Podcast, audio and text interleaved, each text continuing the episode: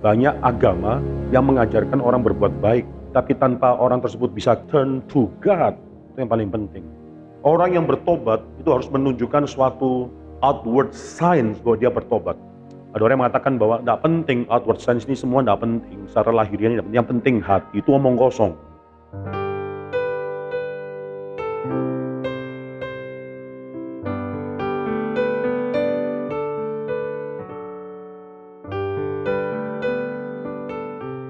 Bersiaplah Yunus lalu pergi ke Niniwe sesuai dengan firman Allah.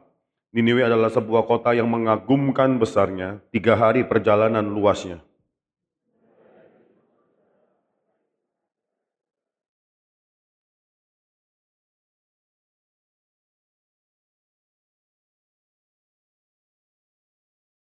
Orang Niniwe percaya kepada Allah, lalu mereka mengumumkan puasa dan mereka baik orang dewasa maupun anak-anak mengenakan kain kabung.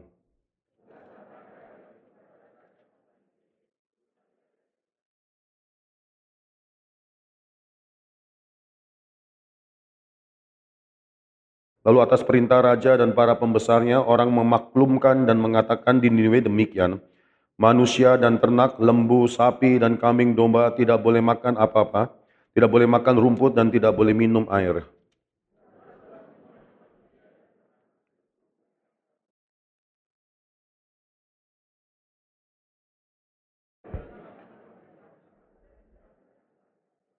Siapa tahu mungkin Allah akan berbalik dan menyesal serta berpaling dari murkanya yang bernyala-nyala itu sehingga kita tidak binasa.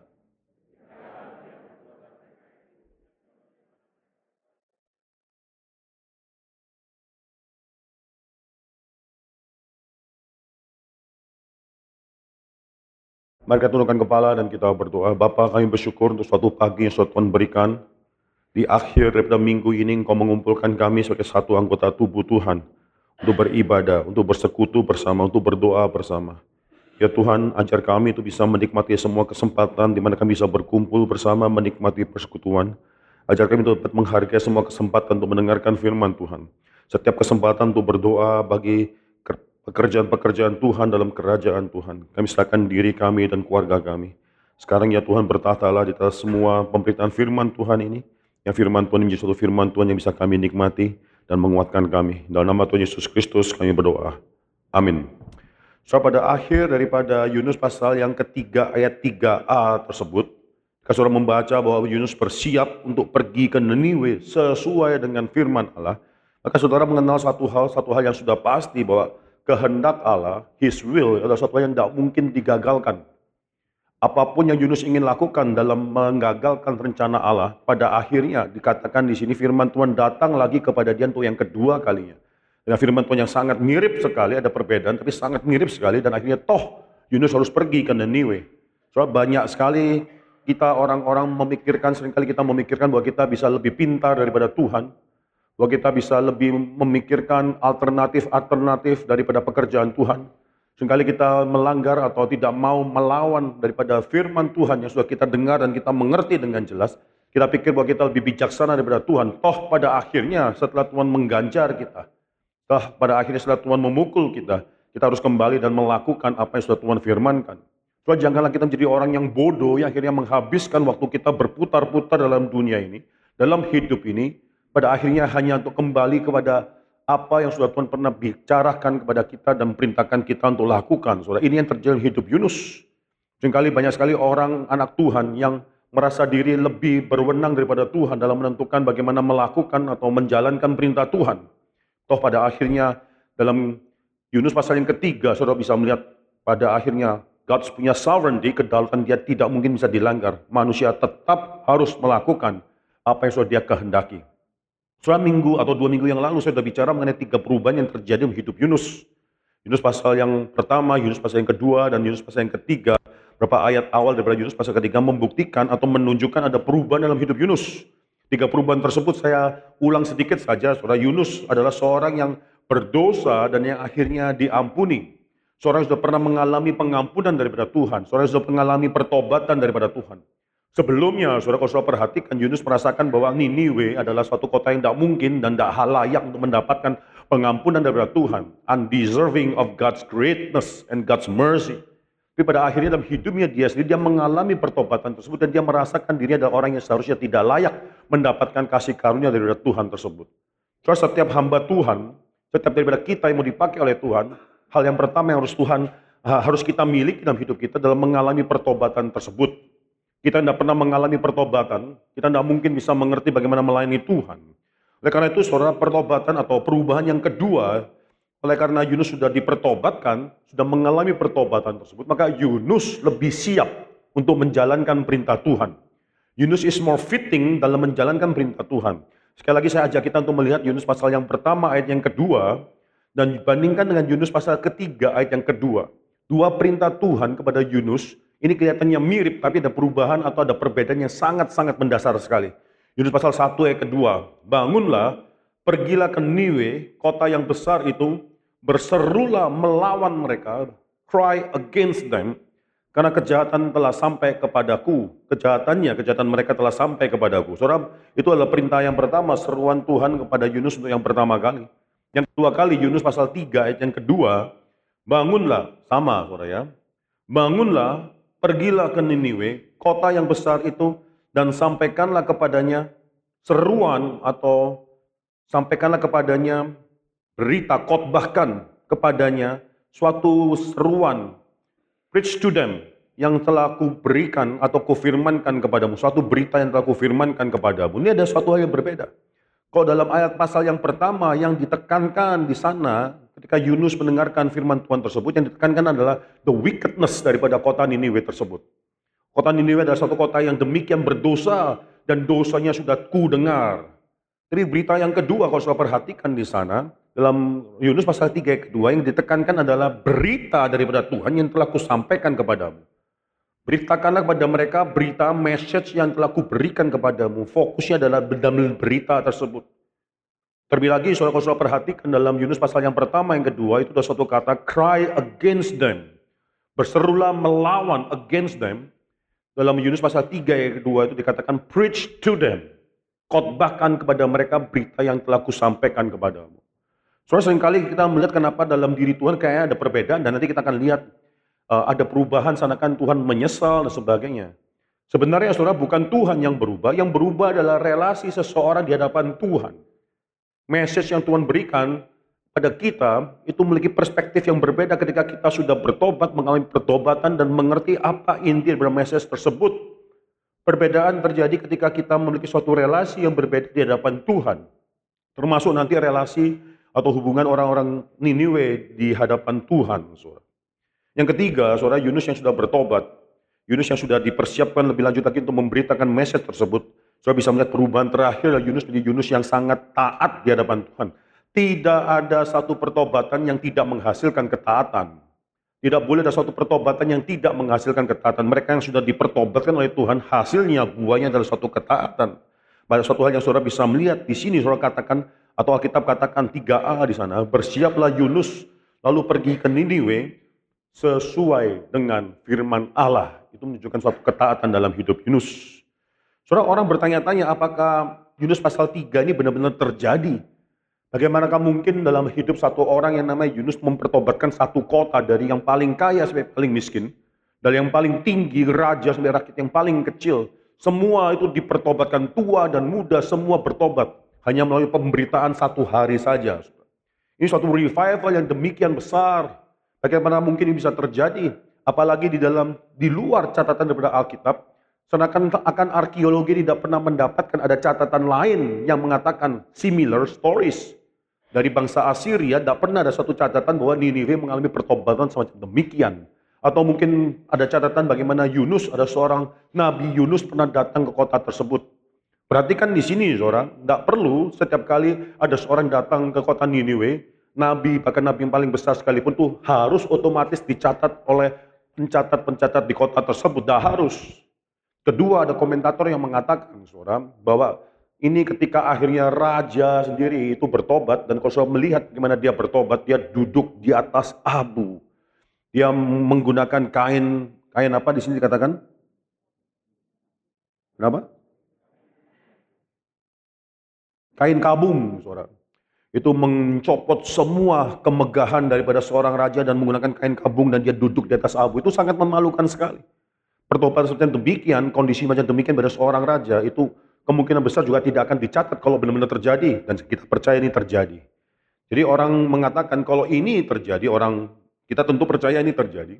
Orang dunia mengatakan kalau ini pun terjadi, mereka tidak mungkin akan mencatat bagaimana raja itu akhirnya menurunkan diri sedemikian rupa. Itu suatu hal yang sangat memalukan sebenarnya.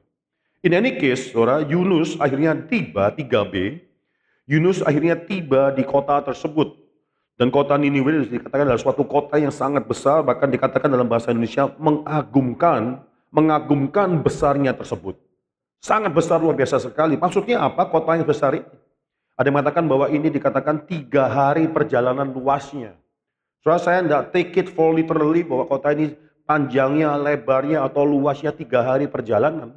Kalau kita bisa hitung satu hari, satu hari kalau berjalan 8 jam atau 12 jam.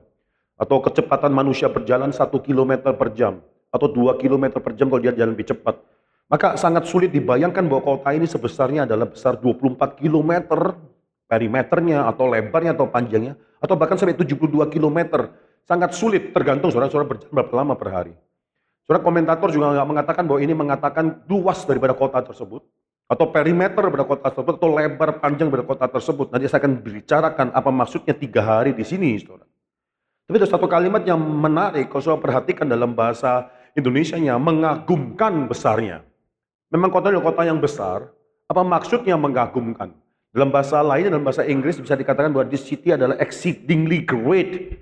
Demikian exceedingly, melebih, berlebih-lebihan kebesarannya.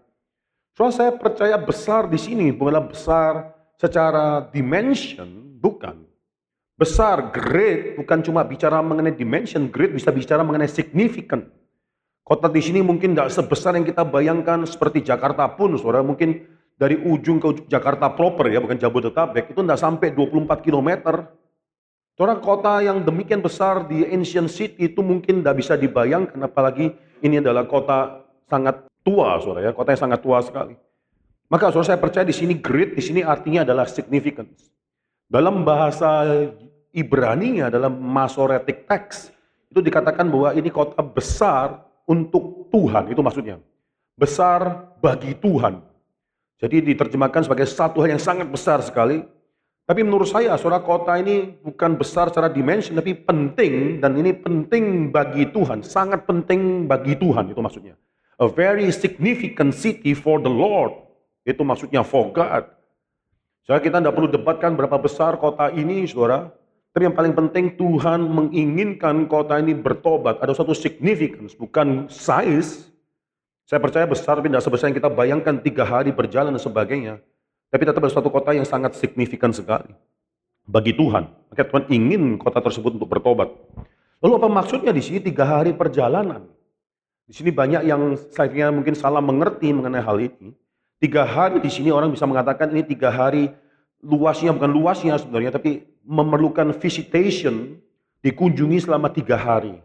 Soal kata tiga hari, ketika itu adalah suatu praktis dalam dunia ancient culture, civilization pada zaman itu. Ketika mengunjungi suatu kota, mereka kalau kota itu besar, mereka harus spend memukai waktu untuk tiga hari lamanya untuk mengunjungi kota itu secara proper. Hari pertama, biasanya mereka tiba, dan tidak melakukan langsung bisnis mereka yang paling utama, tidak. Mereka tiba terlebih dahulu. Hari yang kedua baru melakukan bisnis apa yang harus mereka lakukan, tujuan mereka datang di sana. Hari yang ketiga mereka bersiap-siap untuk pulang. Itu adalah proper visit bagi suatu kota yang besar. Nah, suatu kota yang besar dan ini untuk mendatangi kota tersebut, Yunus sudah mempersiapkan tiga hari untuk visitation pada kota tersebut. Ini maksudnya di sini, saudara. Saudara perhatikan ayat keempat. Dalam ayat keempat, dan dikatakan Yunus lalu menghabiskan, kalau memang kota ini sangat besar, mungkin saja penulis Alkitab mengatakan bahwa Yunus perlu waktu sangat lama sekali untuk pergi ke downtown atau pusat daripada kota untuk akhirnya berkhotbah di sana. Tapi tidak dikatakan demikian. Yang dikatakan demikian adalah langsung Yunus tiba di sana dan dia langsung khotbah. Ya, dan khotbah seharian hari pertama dia langsung sudah masuk kota. Hari pertama dalam bahasa Inggrisnya sehari perjalanan jauh, maksudnya hari pertama, lalu dia sudah berseru 40 hari lagi, maka Niniwe akan ditunggang balikkan, saudara. Maka di sini saudara, dia hari pertama dia sudah plan visit untuk tiga hari ke kota tersebut. Hari pertama dia berkhotbah di sana. Tidak dibicarakan hari kedua dan hari ketiga apa yang dia lakukan, tidak dibicarakan. Maka di sini saudara saya percaya ini menjadi suatu hal yang menarik sekali di mana dia merencanakan untuk ber, berkhotbah pada orang yang sangat jahat, kota yang sangat jahat tersebut tiga hari. Tapi apa yang terjadi? Satu hari dia berkhotbah, belum dituliskan oleh Alkitab, hari kedua dan hari ketiganya, orang di kota Niniwe sudah bertobat. Luar biasa. Jadi sanakan bahwa dia baru datang berkhotbah, tidak lama kemudian, paling tidak satu hari tersebut, berita mulai menjalar dan orang-orang Niniwe bertobat. Sehingga dia tidak perlu melanjutkan hal selanjutnya. Saudara. So, ini satu hal yang sangat menarik sekali. Saya percaya, saudara, Tuhan sudah bekerja sebelum Yunus datang di antara orang-orang Niniwe tersebut. So ada orang komentator yang mengatakan apa yang terjadi di kota tersebut sehingga kota tersebut sangat aktif sekali terhadap firman Tuhan. Maka di sini seorang kemungkinan ada yang mengatakan bahwa kota Niniwe pada saat itu sudah mengalami begitu banyak kesulitan demi kesulitan, malapetaka demi malapetaka, hati orang-orang di Niniwe itu sudah dipersiapkan. Kesulitan apa? Saudara mungkin saja Berapa hal kalau di dalam ancient civilization, hal-hal semacam demikian itu menunjukkan ada amarah Tuhan yang sedang dinyatakan oleh Tuhan kepada mereka. Misalnya, saudara, yaitu invasion. Ada bangsa lain sudah mulai memasuki dan mengalahkan Assyria. Itu satu tanda bahwa sekarang mereka mungkin Tuhan sudah marah kepada mereka, sehingga mereka sekarang mengalami kekalahan. Atau mungkin mereka mengalami solar eclipse, atau gerhana yang sedemikian rupa sehingga mereka merasakan bahwa Tuhan sudah memalingkan mukanya daripada mereka. Atau mungkin mereka mengalami misalnya saudara kelaparan yang demikian dahsyat atau penyakit atau apa pun yang terjadi sehingga mereka mengatakan ini adalah tanda Tuhan sedang bekerja melawan mereka. Atau juga mungkin banjir yang demikian besar. Saudara ini uh, kejadian-kejadian earthquake lah banjir. Ini semua yang mungkin mengatakan pada mereka bahwa Tuhan sedang memiliki suatu amarah. Whatever it is saudara cukup bagi Yunus untuk akhirnya menggunakan waktu satu hari, bukan terlalu lama, akhirnya mempertobatkan satu bangsa, satu kota tersebut. Saudara ini adalah orang yang demikian wicked di hadapan Tuhan, yang jahat Tuhan. Tapi akhirnya sangat reseptif sekali terhadap firman Tuhan, ini ironis. Banyak sekali, saudara, dan terjadi juga di dalam Alkitab, bagaimana akhirnya ketika Tuhan Yesus datang kepada umatnya sendiri, umatnya sendiri yang merasa diri baik, itu akhirnya yang akhirnya menolak Tuhan sampai menyalibkan dia. Saudara, ini yang terjadi. Saudara, sekali ketika kita merasa diri kita baik dan sebagainya, saudara, justru kita jauh daripada hadapan Tuhan. Tapi entah mengapa Tuhan sudah bekerja melalui hidup daripada orang-orang Niniwe tersebut sehingga berita, message yang diberitakan oleh Yunus tersebut akhirnya langsung kedapatan dan langsung menggerakkan hati daripada orang-orang yang mendengarkannya. So perhatikan, ayat 3b sampai 10, nama Yunus itu hanya diberitakan satu kali saja, dicatat satu kali. Perikop yang baru kita baca 3b sampai 10, saudara. Yunus memberitakan firman Tuhan, dan setelah dia memberitakan, setelah dia menyampaikan firman Tuhan tersebut, namanya tidak lagi dicatat dalam perikop ini. Yang dicatat adalah respons daripada orang-orang tersebut terhadap berita daripada Yunus, dan apa yang terjadi, bagaimana mereka bertobat, apa yang mereka lakukan, dan seterusnya. Saudara, itu yang menjadi suatu fokus daripada apa yang dikatakan oleh Yunus pasal 3. Orang yang jahat tersebut, kota yang bangsa yang bangsa jahat tersebut akhirnya bertobat. So, pasal 3 nanti diakhiri adalah dengan respons daripada Tuhan terhadap respons daripada orang-orang Niniwe terhadap berita Yunus. Jadi pasal daripada 4 adalah menceritakan mengenai respons daripada Yunus terhadap respons terhadap Tuhan kepada orang-orang Niniwe. Ini menarik sekali, saudara. Ini nih, saudara, berita apa yang diberitakan sehingga sangat powerful sekali bisa merubah orang-orang di Niniwe ini. Saudara tentunya kalau saudara perhatikan dalam uh, Yunus pasal 3 ayat keempat, beritanya seakan sangat simpel sekali, 40 hari lagi, maka Niniwe akan ditunggal balikan. Saya percaya beritanya bukan cuma berapa kata tersebut dan diulang-ulang oleh Yunus, itu satu message daripada berita Yunus. Nanti kita akan beritakan lebih lanjut lagi mengenai sebenarnya apa inti daripada berita atau apa yang Yunus katakan di sana. Bapak di sini saudara saya harus mengatakan, saya percaya bukan cuma hanya kata-kata itu saja yang diberitakan. Seorang pemberita firman Tuhan, itu harus memberitakan bukan cuma penghakiman daripada Tuhan, tapi juga harus memberitakan mercy, kasih karunia daripada Tuhan. Soal Yunus pasal 3 menceritakan beberapa hal yang penting berkenan dengan bagaimana orang bertobat. Surah Alkitab mencatat paling sedikit harus ada tiga hal yang menunjukkan pertobatan kita yang sejati. Dan tiga hal ini ada di dalam Yunus pasal yang ketiga. Yang pertama, orang yang bertobat itu harus menunjukkan suatu outward signs bahwa dia bertobat. Orang yang bertobat itu harus menunjukkan suatu tanda yang lahir ya, ada yang berbeda, orang bisa melihat dari diri mereka ada pertobatan. Ada perubahan, outward signs tersebut itu harus ada. Saudara perhatikan di sini, saudara bagaimana akhirnya semua orang tersebut akhirnya berpuasa, saudara. Mereka semua berpuasa, berpuasa bahkan dikatakan di sini dari yang paling tua sampai yang paling muda, dari orang yang paling kaya bahkan raja sampai yang paling miskin sekalipun. Bahkan dikatakan raja katakan di sana saudara manusia bahkan binatang juga harus berpuasa ternak, kambing, domba, semua itu semua harus puasa, saudara. Saudara ini bukan lelucon, saudara bisa bayangkan kambing, domba, ternak semua disuruh puasa, nggak dikasih makan, nggak dikasih minum, saudara itu mereka bisa mengeluh kayak apa, saudara binatang. Oh, ada orang yang mengatakan ini kayak lelucon, ini kayak guyonan, binatang disuruh puasa, bukan, saudara.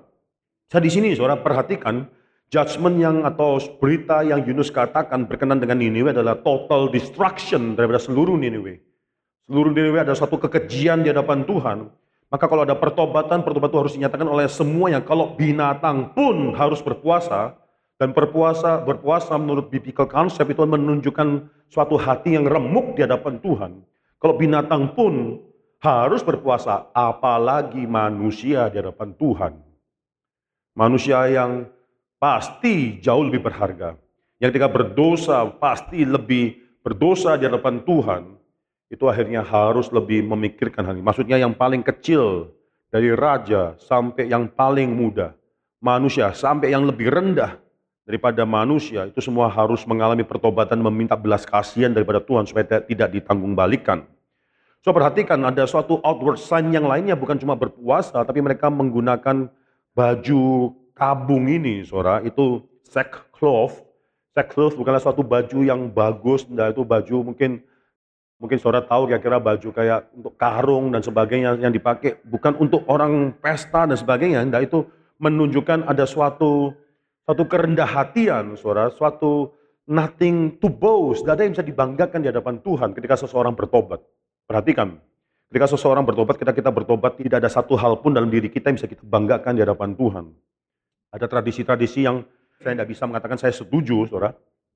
Ketika seorang meninggal, Lalu setelah abunya dikremasi selesai, lalu akhirnya dipadetin sedemikian rupa, lalu dibuat menjadi kalung dan sebagainya, lalu kayak berlian dan sebagainya. Saudara, there is nothing great, honorable about death. Tidak ada. Saudara. Itu tidak ada yang indah dengan kematian. Kematian menunjukkan bahwa itu adalah suatu kemalangan daripada manusia. Tapi ada orang yang mencoba berbuat sedemikian sehingga orang yang mati buat usahakannya masih ada keindahannya bahkan menjadi dari abu. Orang tidak terima manusia jadi abu. Orang mau abu menjadi berlian. So, di sini saudara bisa melihat bahwa ketika seseorang menyadari kemalangan dirinya, dia menyadari there's nothing to boast. Bahkan raja pun akhirnya mencopot semua semua yang dia miliki, kemegahan kerajaannya sebagai seorang raja. Semua mahkotanya dicopot dan akhirnya dia memakai baju kabung tersebut yang sangat rendah. Ketiga, raja akhirnya melakukan suatu tindakan yang mewakili semua rakyat, dia duduk di atas abu. Ini makin merendahkan dirinya. Bukan lagi duduk di atas takhta, tidak, tapi duduk di atas abu. Ini menunjukkan suatu public demonstration mengenai self-humiliation di hadapan Tuhan. Terus sekali lagi, suatu pertobatan pasti dimulai juga dari suatu outward signs. Ada orang yang mengatakan bahwa tidak penting outward signs ini semua tidak penting. Secara lahiriah ini Yang penting hati. Itu omong kosong. Itu omong kosong. Mengapa? Karena apa yang kita lakukan yang kelihatan itu cermin daripada apa yang benar-benar ada dalam hati kita. Ketika kita berdoa, sikap berdoa itu penting. Saya tidak bisa mengatakan bahwa sikap berdoa itu tidak penting, penting hati. Lalu saya berdoa dengan angkat kaki dan seterusnya. Enggak. Sikap hatimu berdoa ditunjukkan melalui outward signs daripada sikap engkau beribadah itu. Maka daripada ini orang yang bertobat juga, tidak bisa mengatakan yang penting cuma akhirnya hati. Soalnya kalau demikian, maka kalau raja mengatakan saya cuma mau bertobat, tapi saya tidak mau turun daripada takhta, saya tidak mau duduk di atas abu, saya tidak mau meninggalkan semua kemewahan saya, saya tidak mau pakai gaun daripada gaun kabung tersebut, saya tidak mau memakai semua hal tersebut, saya tidak mau bersama dengan rakyatku. Soalnya itu, apakah semacam demikian bisa dikatakan pertobatan, di mana dia masih menginginkan suatu kemegahan dalam hidup dia? Nggak bisa, saudara. The outward signs is very important. Demikian juga ketika kita beribadah, saudara. Outward sign itu sangat penting sekali. Anak-anak kita melihat kita, waktu mereka belajar, tidak terlalu bisa mengerti mengenai makna ibadat, tapi paling tidak mereka melihat di outward signs tersebut terlebih dahulu. Ketika kita berlutut berdoa, ketika tutup mata dengan kusuk berdoa, kita menyanyi bersama dengan seluruh jemaat berdiri, anak-anak melihat di outward signs. Itu melihat hati kita melalui apa yang kita lakukan. Cuma ini hal yang pertama, soal outward signs itu menunjukkan pertobatan. Yang kedua, kalau saudara baca daripada Yunus pasal 3 ke 8, B terlebih dahulu, saudara, maka ada suatu turning away. Pertobatan itu bicara mengenai turning away, dan ini bicara mengenai turning away daripada kejahatan. Tidak ada satu orang yang bertobat, bisa mengatakan dirinya bertobat, tapi terus-menerus hidup dalam kejahatan yang sama, dan terus-terus akhirnya melukakan atau menyakiti hati daripada Tuhan. 8b, saudara.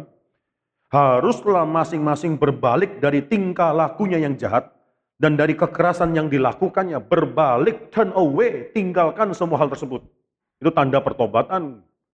Sekali lagi saudara pertobatan ditunjukkan daripada kita meninggalkan dosa itu ada suatu pertobatan tidak ada suatu pertobatan kalau sudah menunjukkan outward sign tapi hatimu masih terus berdosa di hadapan Tuhan itu juga tidak benar Ya ini akhirnya menunjukkan bahwa kita sudah bertobat ketika kita meninggalkan dosa-dosa tersebut. Ini bahkan suatu kota yang demikian jahat.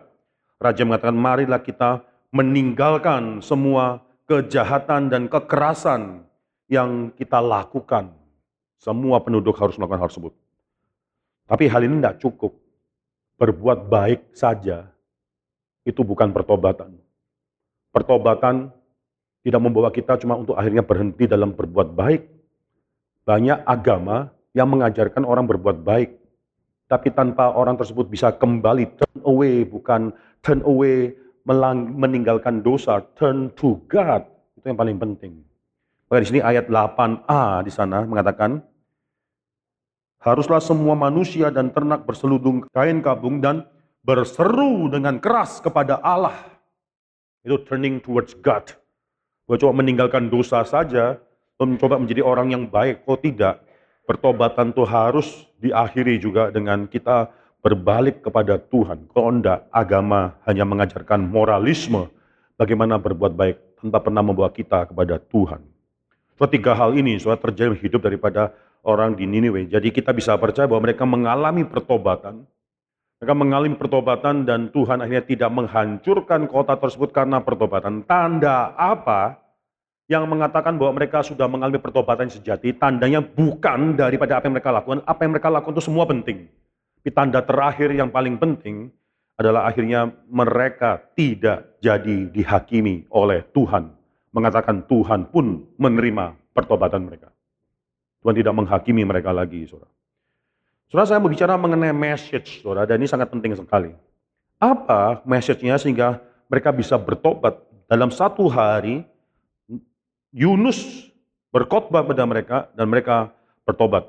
Sekali lagi saya tidak katakan message-nya demikian simple, 40 hari lagi maka Niniwe akan ditunggang balikan. Saya percaya, saudara, setiap kali message daripada pemberitaan atas penghakiman, bagi seorang pemberita yang benar, tidak mungkin pada saat yang bersama dia tidak memberitakan kasih karunia Tuhan yang disediakan bagi mereka yang mau bertobat. So ini terjadi ini adalah suatu prinsip dari Alkitab. Coba kita buka Yeremia, saudara. Yeremia 18:78. Ada kalanya aku berkata tentang suatu bangsa dan tentang suatu kerajaan bahwa aku akan mencabut, merobohkan dan membinasakannya. Tetapi apabila bangsa yang terhadap siapa aku berkata demikian telah bertobat dari kejahatannya, maka menyesallah aku bahwa tidak menjatuhkan malapetaka yang kurancangkan itu terhadap mereka. So, ini suatu hal di mana Alkitab sendiri prinsip, ada berita penghakiman, tapi ada suatu ruangan bagi mereka untuk bertobat.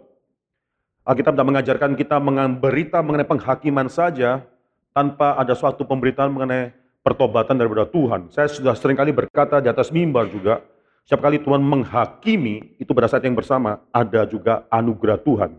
Setiap kali anugerah Tuhan diberikan pada yang sama, saat yang bersama juga ada penghakiman daripada Tuhan. Bahtera Nuh yang menyelamatkan Nuh adalah Bahtera Nuh yang akhirnya menghakimi seluruh dunia. Api belerang yang turun daripada kota Sodom dan Gomora, tidak cuma api belerang saja, tapi ada berita keselamatan yang membawa keluarga Lot Lot dan dua anaknya khususnya keluar daripada kota Sodom tersebut. Demikian juga dengan berita, saya percaya berita daripada Yunus. Terlebih lagi, saudara, dari mana orang Niniwe bisa tahu ada kemungkinan bagi mereka untuk bisa bertobat. Ayat yang ke-9. Siapa tahu mungkin Allah berbalik dan menyesal. Setelah berpaling dari murkanya yang menyala-nyala itu sehingga kita tidak binasa. Dari mana? Kalau beritanya hanya cuma penghakiman, tidak meluangkan suatu ruang bagi pertobatan, Nggak mungkin ayat ke-9 tersebut keluar. Saya percaya berita daripada Yunus ada berita penghakiman, tapi juga memiliki suatu ruang di mana mereka bisa ada mengenal mengenai kemungkinan pertobatan. Ayat 9. Terlebih lagi, saudara, saudara perhaca dari Lukas pasal yang ke-11, ayat yang ke-30, saudara. Ketika orang banyak mengerumuninya, ayat 29, berkatalah Yesus, angkatan ini adalah angkatan yang jahat. Mereka menghendaki suatu tanda, tapi kepada mereka tidak akan diberikan tanda selain tanda Nabi Yunus. Sebab seperti, nah ini ada komentator yang mengatakan, sebab seperti bukan berita Yunus menjadi tanda Anda, tapi seperti Yunus, maksudnya hidup Yunus tersebut, jadi tanda untuk orang-orang Niniwe. Demikian pula lah anak manusia akan menjadi tanda untuk angkatan ini. Ini bukan berita, bukan dikatakan cuma berita daripada Yunus atau berita daripada anak manusia menjadi tanda, tidak, tapi hidup daripada Yunus hidup daripada anak manusia. Saya percaya, setuju dengan seorang komentator yang mengatakan bahwa Yunus juga akan memberitakan hidup dia. Bagaimana dia juga pernah mengalami pertobatan. Bagaimana dia adalah seorang yang tadinya adalah nabi Tuhan yang melarikan diri. Dia juga mengalami pertobatan-pertobatan yang sama sekarang juga diberikan kepada Niniwe. Ini sekali lagi bukan cuma berita mengenai penghakiman, juga berita mengenai pertobatan. Orang Niniwe saya percaya belajar daripada hidup Yunus dan bagaimana Yunus mendapatkan pertobatan daripada Tuhan tersebut. Hingga oleh karena itu mereka mengatakan, oke okay, kita bertobat. Mari kita bertobat. Dan lalu mereka akhirnya berbalik kepada Tuhan. Siapa tahu mungkin setelah kita bertobat, Allah tidak akan menghancurkan kita. Setelah mungkin kita bicara mengenai ayat yang ke-10, ketika Allah melihat perbuatan mereka itu, yakni bagaimana mereka berbalik dari tingkah lakunya yang jahat, maka menyesallah Allah karena malapetaka yang telah dirancangnya terhadap mereka dan dia pun tidak jadi melakukannya. Sebab bagaimana kita bisa mengerti Allah menyesal? Bukankah tidak ada perubahan dalam diri Allah? Lalu bagaimana di sini Alkitab mengatakan Allah menyesal dan bukan cuma di sini di dalam berbagai bagian dari Alkitab Alkitab mengatakan menyesallah Tuhan, menyesallah Allah. So di sini kita harus mengerti bukan secara simplistik.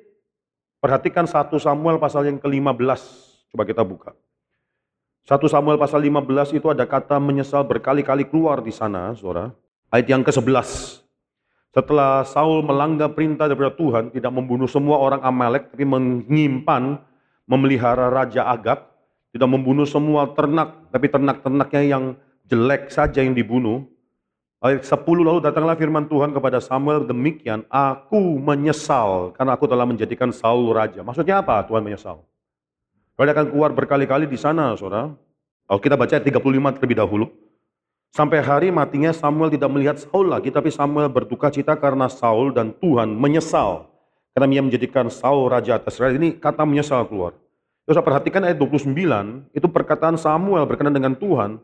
Lagi sang mulia dari Israel tidak berdusta dan ia tidak tahu menyesal. Jangan ditulis ia tidak tahu menyesal, sebab ia bukan manusia yang harus menyesal. Maka di sini saudara ketika kita melihat Alkitab ini dalam perikop ini khususnya Tuhan menyesal dan Tuhan tidak tahu menyesal digabungkan dalam menjadi satu. Bagaimana kita bisa mengerti hal ini? Saya percaya Saudara Stephen Tong pernah menggambarkan kalimat ini dengan sangat baik. Penyesalan Tuhan itu bisa dimengerti secara antropomorfik, itu bahasa manusia. Tidak ada perubahan dalam diri Tuhan. Yang berubah adalah relasi manusia dengan Tuhan. Dari tadi mungkin adalah dari secara uh, sejarah, saudara, bukan Bukan tentunya bukan dalam rencana kekal daripada Tuhan. Dalam sejarah dinyatakan bagaimana orang Niniwe tersebut berubah daripada mereka yang dihakimi menjadi orang yang akhirnya mendapatkan kasih karunia Tuhan. Itu perubahan tersebut dari mereka yang mendapatkan kasih karunia lalu mereka menjadi yang dihakimi. amarah daripada Tuhan, itulah gambaran perubahan tersebut adalah gambaran penyesalan, perubahan relasi orang tersebut terhadap Tuhan di dalam sejarah. Maka di sini saudara Tuhan menyesal, di sini saudara jangan memikirkan, wah Tuhan mengganti plannya. Tuhan sudah menetapkan, kemarin kita bicara banyak mengenai ketetapan daripada Tuhan dan sebagainya, saudara. Dan kita bisa katakan di sini pertobatan daripada orang-orang Niniwe tersebut adalah suatu hal dalam suatu keinginan Tuhan dalam rencana daripada Tuhan. Tuhan bekerja secara aktif dalam hidup mereka, mempertobatkan mereka. Itu suatu pertobatan yang ada dalam rancangan Tuhan. Menyesal di sini bukanlah suatu hal di mana Tuhan merubah rencananya karena dia tidak tahu apa yang akan terjadi dalam hidup orang-orang ini. Tidak. Justru karena dia tahu maka dia merubah rencana tersebut. Tuhan di sini nggak bisa dikatakan bahwa Tuhan sedang berbohong, Tuhan sedang mengancam kosong. Oh tidak. Ada orang yang mengatakan bahwa ini semua adalah drama saja. Tidak. Tuhan mengatakan kalau engkau tidak bertobat, maka ini akan ditunggang balikan oleh Tuhan. Itu berita yang saya percaya yang dikatakan oleh Yunus. Bukan berarti bahwa Tuhan melanggar perkataannya sendiri. Tapi satu if then clause di sana. Kalau engkau tidak bertobat, maka Niniwe akan ditunggang balikan. Berarti kalau bertobat, Tuhan memberikan belas kasihan pada mereka. So ini suatu hal yang bisa kita pelajari, suatu keindahan daripada Yunus pasal 3, di mana akhirnya satu bangsa tersebut bertobat. Bangsa yang jahat di mata Tuhan, yang kejahatan sudah didengarkan oleh Tuhan, tapi sangat gampang dipertobatkan. Sangat ironis sekali kalau ada orang-orang yang merasa diri baik di hadapan Tuhan. Yang sangat sulit untuk bertobat dan dekat kepada Tuhan. Kayak Tuhan memberikan kepada kita suatu hati yang lembut.